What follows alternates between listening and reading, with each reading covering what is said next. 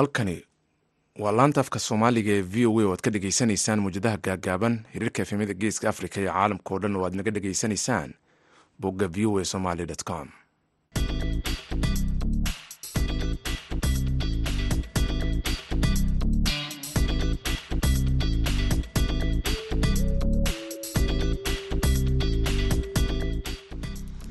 duur wanaagsan dhegaystayaal idirkiinba meel kastoo aad joogtaan.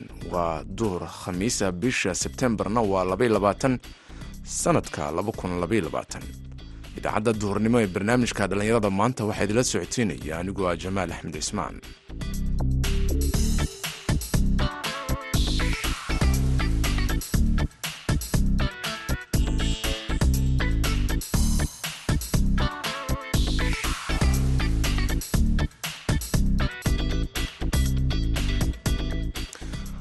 qodobada aad ku dhegaysan doontaan barnaamijka duhurnimo ee dhallinyarada maanta waxaa ka mid ah dhallinyaro ku dhaqan xeryaha dhadhaab ee dalka kenya oo bilaabay in dhallinyarada ku dhaqan halkaasi ay ka waxaygeliyaan dhibaatooyinka muqaadaraadka uu ku leeyahay bulshada waxaa nugu soo arrintaas nagu kalifay inaan samayno waxaa batay daroogada iyo isciijinta waayo annaga boqolkiiba toddobaatan iyo shan waa dhallinyaro. Maadaama anaga guddiga aan nahay dhallinyarta xil baan is saarnay. Waxaad kaloo dhegaysan doontaan gabdho dhallinyaraha oo magaalada qardho ee puntland ka furay iskuul u gaara gabdhaha. Barnaamijka intuu socdo waxaan ka marnayn heesaha. Ciyaarihiina waad dhegaysan doontaan intaasoo idil waxa ka horeynaya warkii dunida ee ku soo dhowaada dhegaystayaal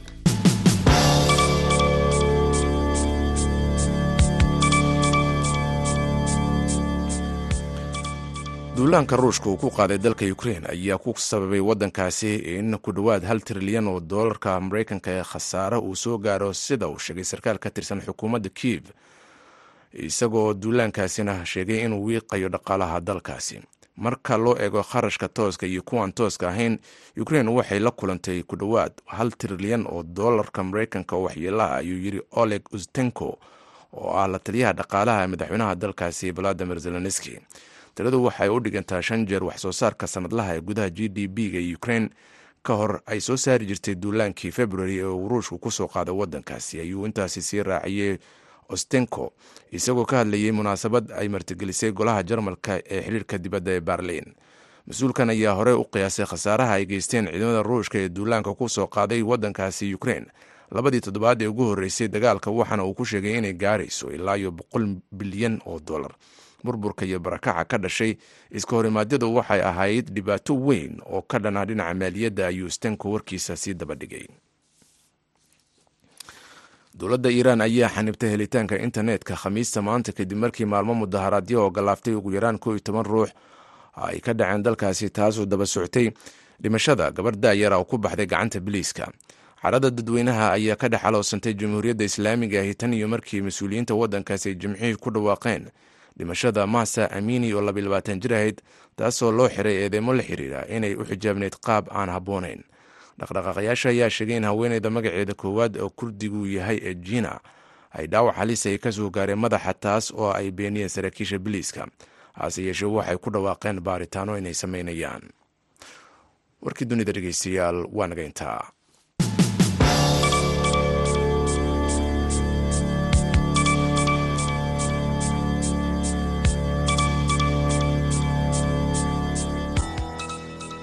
duur wanaagsan dhegeystayaal halkaad warkaasi aad ka dhegeysanayseen waa v o a inu gudagalno qodobada kale ee barnaamijka dhallinyarada maanta.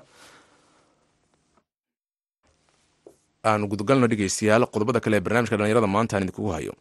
Ururka dhallinyarada xerada qaxootiga ee ifo oo ka mid ah xeryaha dhadhaab ee dalka kenya ayaa waxa ay halkaasi ka bilaabeen olole ay bulshada ku wacyigelinayaan oo ku aadan inay ka feejignaadaan dhibaatooyinka uu maandooriyuu ku leeyahay bulshada cabaas cabdulaahi cabdi oo ah hafayeenka ururka ayaa waxa uu sheegay in dadaaladan ay muddooyinkanba soo wadeen waxaana uu warramay wariyaha v o a ee dhadhaab axmed nuur maxamed cabdulaahi yogool waa mahadsan tahay. Marka hore magacayga waxaa la cabaas cabdulaahi cabdi. Waxaan ka mid ahay guddiga dhallinyarta kaamka oo ifo.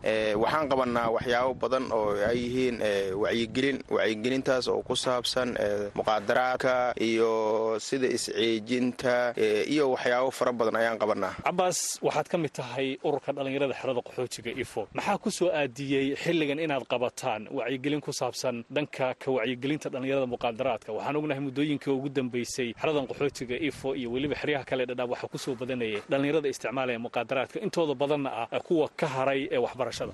Waxaa nugu soo arrintaas nugu kalifay inaan samayno waxaa batay daroogada iyo isciijinta waayo annaga boqolkiiba toddobaatan iyo shan waa dhallinyaro. Maadaama anaga guddiga aan nahay dhallinyarta xil baan is saarnay wixii u badanan ay kaamka ay yihiin dhallinyaro. Sidaas darteed ayaa nugu kaliftay inaan meel walba marno oo wacyigelintaas aan ugu weynayno oon xaafad marka wacyigelintan qaab noocee ayaad u samaysaan wacyigelinta waxaan ku samaynaa boloog walba boloogiisa aan marnaa marmar isbuuc walba ka isbuuc ka isbuuc ayaan qabanaa waxaana marnaa guryaha ayaan marnaa oo xaafadaha ayaan tagnaa oo gaari baan qaadanaa marka mikrofonna iyo waxyaabo badanaan qaadanaa marka sidaas ayaan wacyigelinta aan ku samaynaa. Cabas ma dhacdaa inaad tagtaan goobaha dhallinyarada isugu imaato gaar ahaan kuwa muqaadaraadka isticmaala si markaasi dhallinyaradaasi aad wacyigelin ugu samaysaan? Haa waan tagnaa. Meelo badan ayaa jiro meelo badan oo hadda waxaa jirta lagu ganacsado oo muqaadaraadka waxaas lagu gado. Waan tagnaa waana la hadalnaa. Meelo badan oo aan xirnayn waa jirtay sidaan wacyigelinayn oo iska dhaafeenaa jirta marka markay timaado wacyigelinta dhallinyarada dhanka muqaadaraadka ma jirtaa dhallinyaro aad ku guulaysateen markii aad wacyigelin aad siiseen inay ka haraan muqaadaraadka oo qaarkood ay dib ugu laabtaan waxbarashada halka qaarka kalena ay dib u dhisaan noloshooda?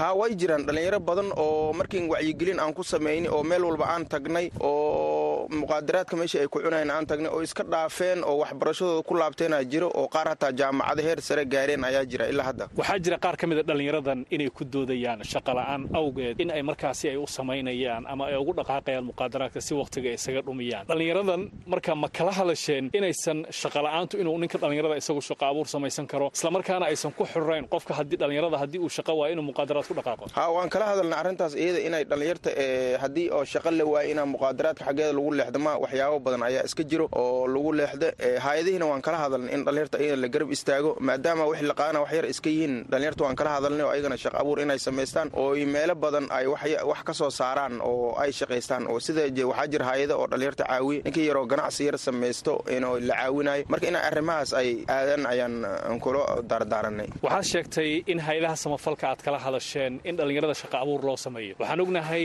waxaa hoos u dhacay fursadihii dhanka shaqada ee dhallinyarada heli jireen. Isha ugu weyn ee dhallinyarada ay shaqada ka helaan waxay hay'adaha samafalka markay dugsiga sare ay ka baxaan. Hay'adaha marka maxay idinku jawaabeen markii aad kala hadasheen dhallinyarada in shaqa abuur loo sameeyo? Hay'adaha waxyaabo badan ay nooga jawaabeen. Waxay nooga jawaabeen waxaa waaye waxaa jirta dhaqaale xumo ayaa jirto doonaskii faangaraynay hataa doonaskii way guureen. Marka hay'ada qaarna way guureen. Marka waxay dhaheen haddee shaqa abuur waa loo samaynaa dhallinyarta marka waan dadaalayna ay nagu dheheen markay timaado dhanka isboortka ama ciyaaraha waxay qayb ka qaataan dhanka isdhexgalka dhallinyarada sidoo kaletana waxay qayb ka qaataan ka hortaga dhanka muqaadaraadka.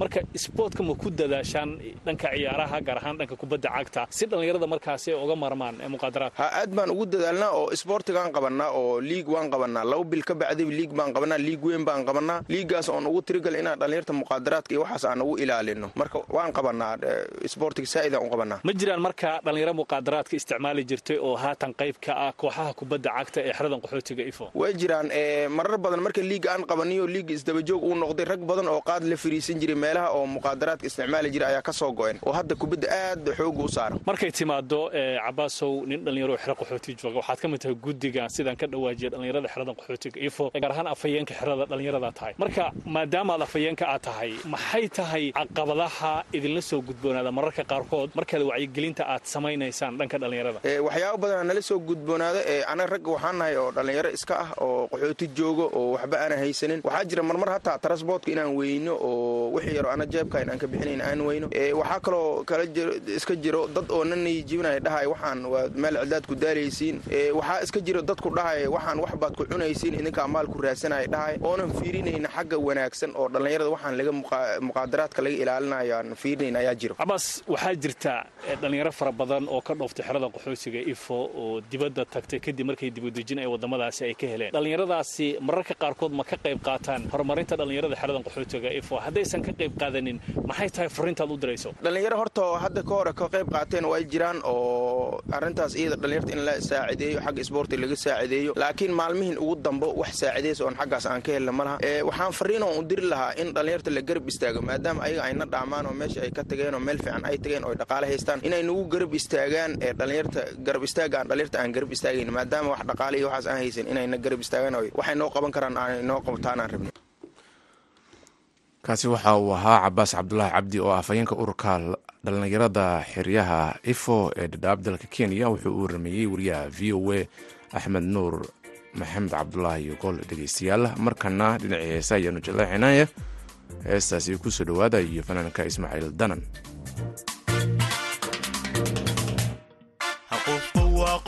Qofkaygu haqurba waa qudheede qudhiisu igu qanacsan hayga muuqasarina dooqu u qofsanii xul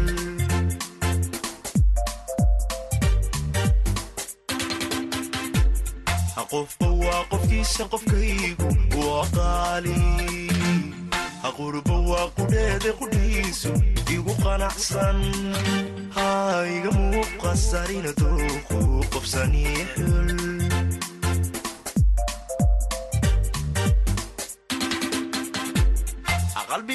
jacaylu qabo mid kale qabanaynin mana qoomamay barashada. Marqura ma qabiyaynin qofkaan jeclahay farxaddaan ku qabo ma qiyaasna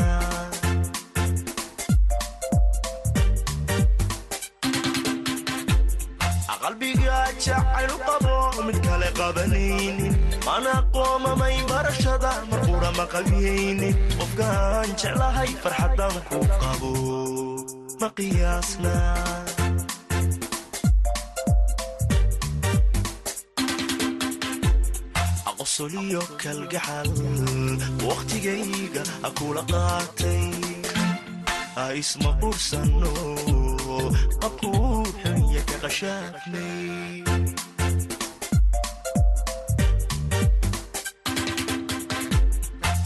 jacayl qiimaniyo daareen badan isu qiranay axdi qaran iyo ballan qoysa wada qaadnay anigoo qawadi nolol qaybsano uu qushuucay.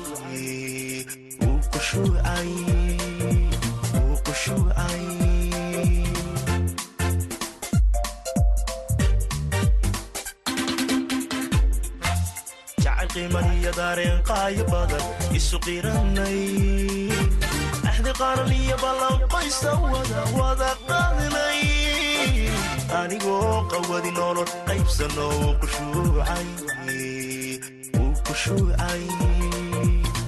qushuucay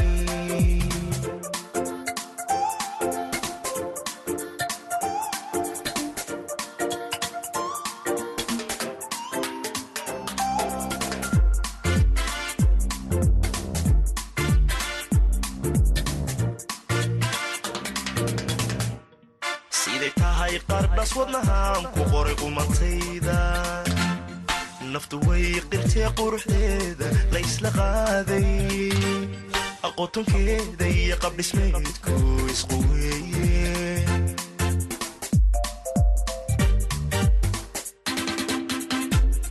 siday tahay qardhas wadnahaan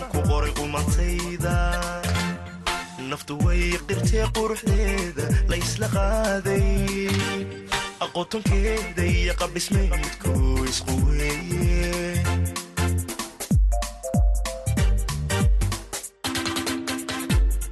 qacda eegmadiyo araggeedan ku qaboobay unu yeelato qalintadu nafti qandaraastay qabsatoo ka shaqayrkeedu jecel qowlkeeda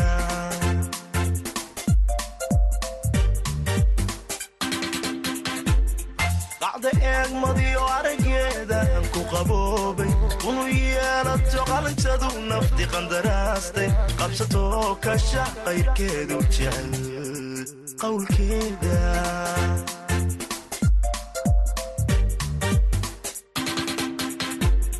annagoo halqudha qorshayeedanno qabyadiidnay qadaf waa dhacaa kaayaga qaldaamaysa xaqaaday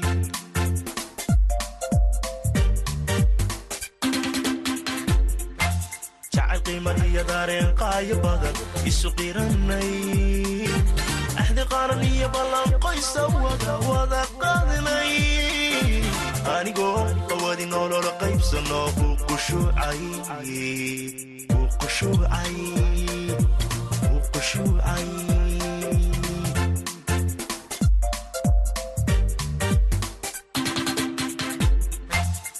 jacayl qiimaniyo daareen qaayo badan isu qiranay axdi qaaran iyo ballan qoysa wada qaadinay anigoo qawadi nolol qaybsano uu qushuucay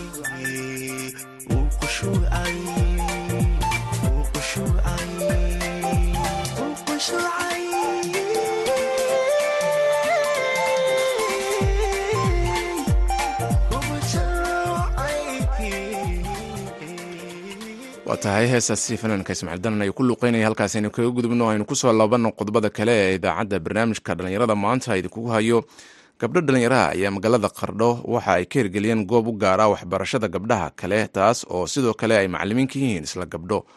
Si ay meesha uga baxdo caqabadaha gabdhaha qaarkood ay la kulmaan xilliga ay waxbaranayaan. Wariyaha v o a ee boosaaso yuusuf maxamuud yuusuf ayaa warbixin arrintan la xiriirta soo diray dugsigan oo gaar u ah gabdhaha keliya ayaa ku yaalla magaalada qardho ee puntland. Waxaa sidoo kale macalimiin ka wada ah gabdho aqoon-yahano ah oo waxbara gabdhaha kale waxaana lagu magacaabaa caaliyo. Iskuulkaas oo inta badan ka duwan iskuullada ku yaalla magaalooyinka puntland iyo weliba soomaaliya waxaana si isku mid a cashirada u wada dhiga dhammaan gabdho. Maryan cabdi oo ka mid a maamulayaasha iyo weliba barayaasha iskuulka gabdhahan gaarka u ah ayaa ka warantay ujeeddada ugu weyn ay u aasaaseen. Wuxuu kaga duwan yahay waxyaalo badan oo ay ka mid yihiin dee dugsiyada nimanka badanaa macalimiinta rag baa ka ah. Annaga wuxuu kaga duwan yahay gabdho baa macalimiinka ah maamulka gabdhaha haya howlwadanada xafiiska. Qolo kasta adigu gabdho unbaa ka shaqeeya macalimiinta waxbaraya ardada kuwa hingaada baraya kuwa qur'aanka xifdisiinaya kuwa xadiisyada u dhigaya kuwa adugu waa wada gabdho. Ardadaan wada qaadano hadda hayno wiilal yaryaroo walaalahood kama hari karaan la yiri oo gabdhaha la socdo yaryar maahane waxay u badan yihiin gabdho. Ardada waxbarayno waxyaalaha keena waxaa ka mid a sanadadii ugu dambeeyay hadda sanadkan oo kale magaalada aan joogno waxaa ku batay kufsigii gabdhaha yaryar oo dugsi qur'aanka lagaga geysanayay ama macalimiintu habsamaka macalimiintu ay kufsanayeen waana tacadi runtii joogto noqday. Waayo kufsiyada qaybtood markaad dhegaysato ama gabdhaha yarka la wareysto wax soo socday. Kufsi islamarkiiba maaha muddo soo socday. Maadaama anagu hooyooyin nahay magaaladin aan joogno dee waxaanu go'aansanay inaan u daqmano ciyaalkeenna oo aanu gabdha gabdho way jiraan aqoonlo guryaha ku jira hooyooyin iyaguna. Kuwa xaafid qur'aanka iyo xaafidiinta in iyaguna gabdhihii ay waxbaraan waxaan barnaa qur'aanka kariimka ah qowlka eebe gabdhahan u istaagay waxbarashada gabdhaha oo keliya ayaa sheegay in caqabado badan ay bulshada kala kulmeen. Inta ay ku guda jireen waxbarashada gabdhaha kale. Dee waa gabaroo gabar way fahmaysaa. Waxaa laga yaabaa gabdhuhu inay xoogaa xaalado iska soo gargalaan. Maclimad gabar hadday timaado way la sheekaysan kartaa gabadhii way fahmi kartaa. Haddii problem xaafid jiro waxbay adugu waa gabaroo gabar way fahmaysaa wallaahi horta waa iska caqabad. Sababto ah intii hooyooyinka qaybtood noo yimaadaan bay dhahaan raggiiba wax dhigi waaya dumar maxay qaban karaan oo kale. Sababtaa dee horta marmar waa lagu niyad jabinayaa inta lagu yimaado oo lagu dhaho. Dee rag dugsigiisaa buuxa annagoo nin helayna gabdho waxba u geysan mayno gabdho maxay yaqaanaan? Bay xoogaa waalidka aanu caqabadahaas aanu kala kulna ragga qaybteed intay ku yimaadaan bay ku dhahay. Dee dugsigaa raggaa loogu talagalay dumarow maxaa idinku qaban kartaan? Caqabaduhu waa iska badbadan yihiin hooyooyinka hadda caruurtooda noo keensadayna wayna soo dhoweeyeen. Kuwo kale markaan wacyigelin samaynayna u tagnoo dhahno war gabdhihiina maalin kasta maxaa kufsi iyo wax looga baqayaa. Docdo kale sacdiye ismaaciil axmed oo ka tirsan ururka hage ee magaalada qardho ayaa ka warantay waxyaabaha iskuulkan uu kaga duwan yahay iskuullada kale ee wax lagu baro gabdhaha. Goobaha waxbarashada ay hirgeliyeen gabdhaha ayna maamulaan ayna mataqaanaa barayaal ka yihiin gabdhaha waxaan dhihi karnaa waxay yareyn doonaan insha allah tacadiga loo geysanaya carruurta khaasatan gabdhaha.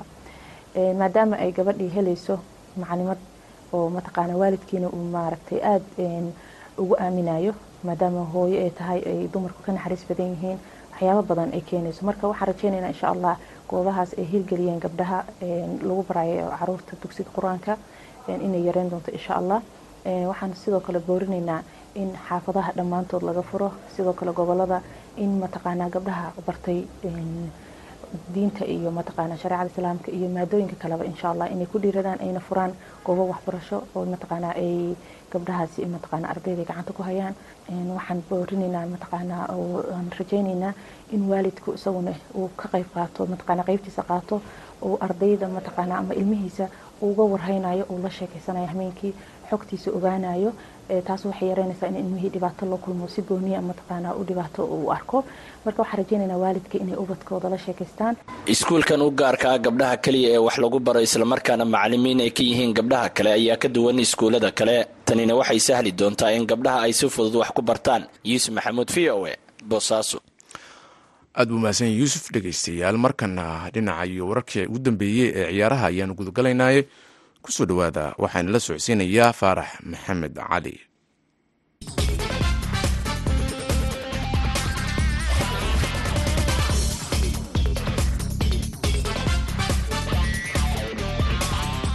Kulanti wanaagsan dhegaystayaal meel kastoo joogtaan kuna soo dhowaada xibinta ciyaaraha ee maanta. Aan ku bilowna ciyaaraha qaramada qaaradda yurub ee loo yaqaana uefa nations league ayaa mar kale dib uga bilowday qaaradda yurub waxaana xalay ciyaar adag iskaga horyimid dalalka scotland iyo ukraine. Ciyaartan oo ka tirsaneed qeybta b waxaa saddex iyo eber ku soo badiyey xulka scotland. Ukraine ayaa weli la daala dhacaysa saameynta uu ku yeeshay dagaalka ruushka ee ka socda dalkeeda. Ciyaaraha kale ee caawa dhici doonana waxay kale yihiin krowetiya iyo denmark halka faransiiskuna uu martigelin doonaa austria. Beljamkuna wuxuu la ciyaari doonaa xulka weelashka halka poland ay martigelin doonto netherlands turkiga ayaa isna la ciyaari doona wadanka luxemburg halka kazakhistan iyo belaruuskuna ay is arki doonaan. ciyaaryahanka qadka dhexe ee kooxda barcelona sergi buscats ayaa damacsan inuu u wareego horyaalka major league soccer ee wadanka mareykanka xilli ciyaareedka soo socda iyadoo lala xiriirinaya kooxda inter mayama f c sida laga soo xigtay telefishinka sports soddon iyo afar jirkan khadka dhexe ka ciyaara ayaa qandaraaskiisa new cam wuxuu dhici doonaa xagaaga soo aadan waxaana warbixintan lagu sheegay inuu marka hore go'aan ka gaaraya mustaqbalkiisa. Buskatis ayaa weli ah ciyaaryahan muhiima oo ka tirsan kooxda barcelona isagoo saftay shantii kulan ee bilowga xilli ciyaareedkan taas oo keentay in madaxda barcelona ay isku dayaan inay ku qanciyaan ciyaaryahankan inuu sii joogo ilaa iyo sannada labada kun iyo labaatan iyo afarta ciyaaryahankan ayaa lix iyo toban sannadood u ciyaaray kooxda barcelona waxaana xidiga heerka caalami ee wadanka sbain uu doonayaa inuu dhammaystiro hamigiisa ah inuu mar uun ka ciyaaro ama xirfadiisa ciyaaraha ku soo gebangabeeyo horyaalka wadanka mareykanka dhinaca kalena kooxda real madrid ayaa lagu soo waramayaa inay boqol iyo konton milyan oo yuuro ku doonayso ciyaaryahanka jude bellingham sida laga soo xigtay ilawareedyo ku sugan wadanka germany iyadoo ciyaaryahankan uu qudhiisu xiiseynaya inuu ku biiro kooxda real madrid. Ciyaaryahanka khadka dhexe kooxda brusi dortman oo toban iyo sagaal jir ah ayaa lala xiriirinaya kooxo waaweyn oo badan oo ay ku jiraan kooxaha manchester city manchester united iyo liverpool. Laakiin ugu dambeyntii waxay soo jeedinaysaa warbixintan in kooxda haysata horyaalka laliigaha ay hogaaminayso tartanka saxiixa ciyaaryahankan. Xubintii ciyaarahana dhegeystayaal maanta waa naga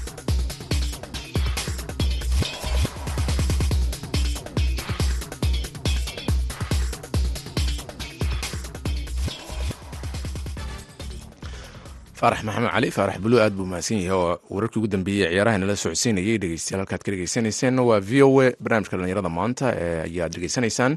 Dhinacii ciyaaraha haddaanu ka gudubno wararkii ugu dambeeyey ee ciyaaraha markaad maqasheen waxaa ku soo xigaya waan idiisu gudbinaya kaalmaha sugaanta ee ku soo dhowaada markan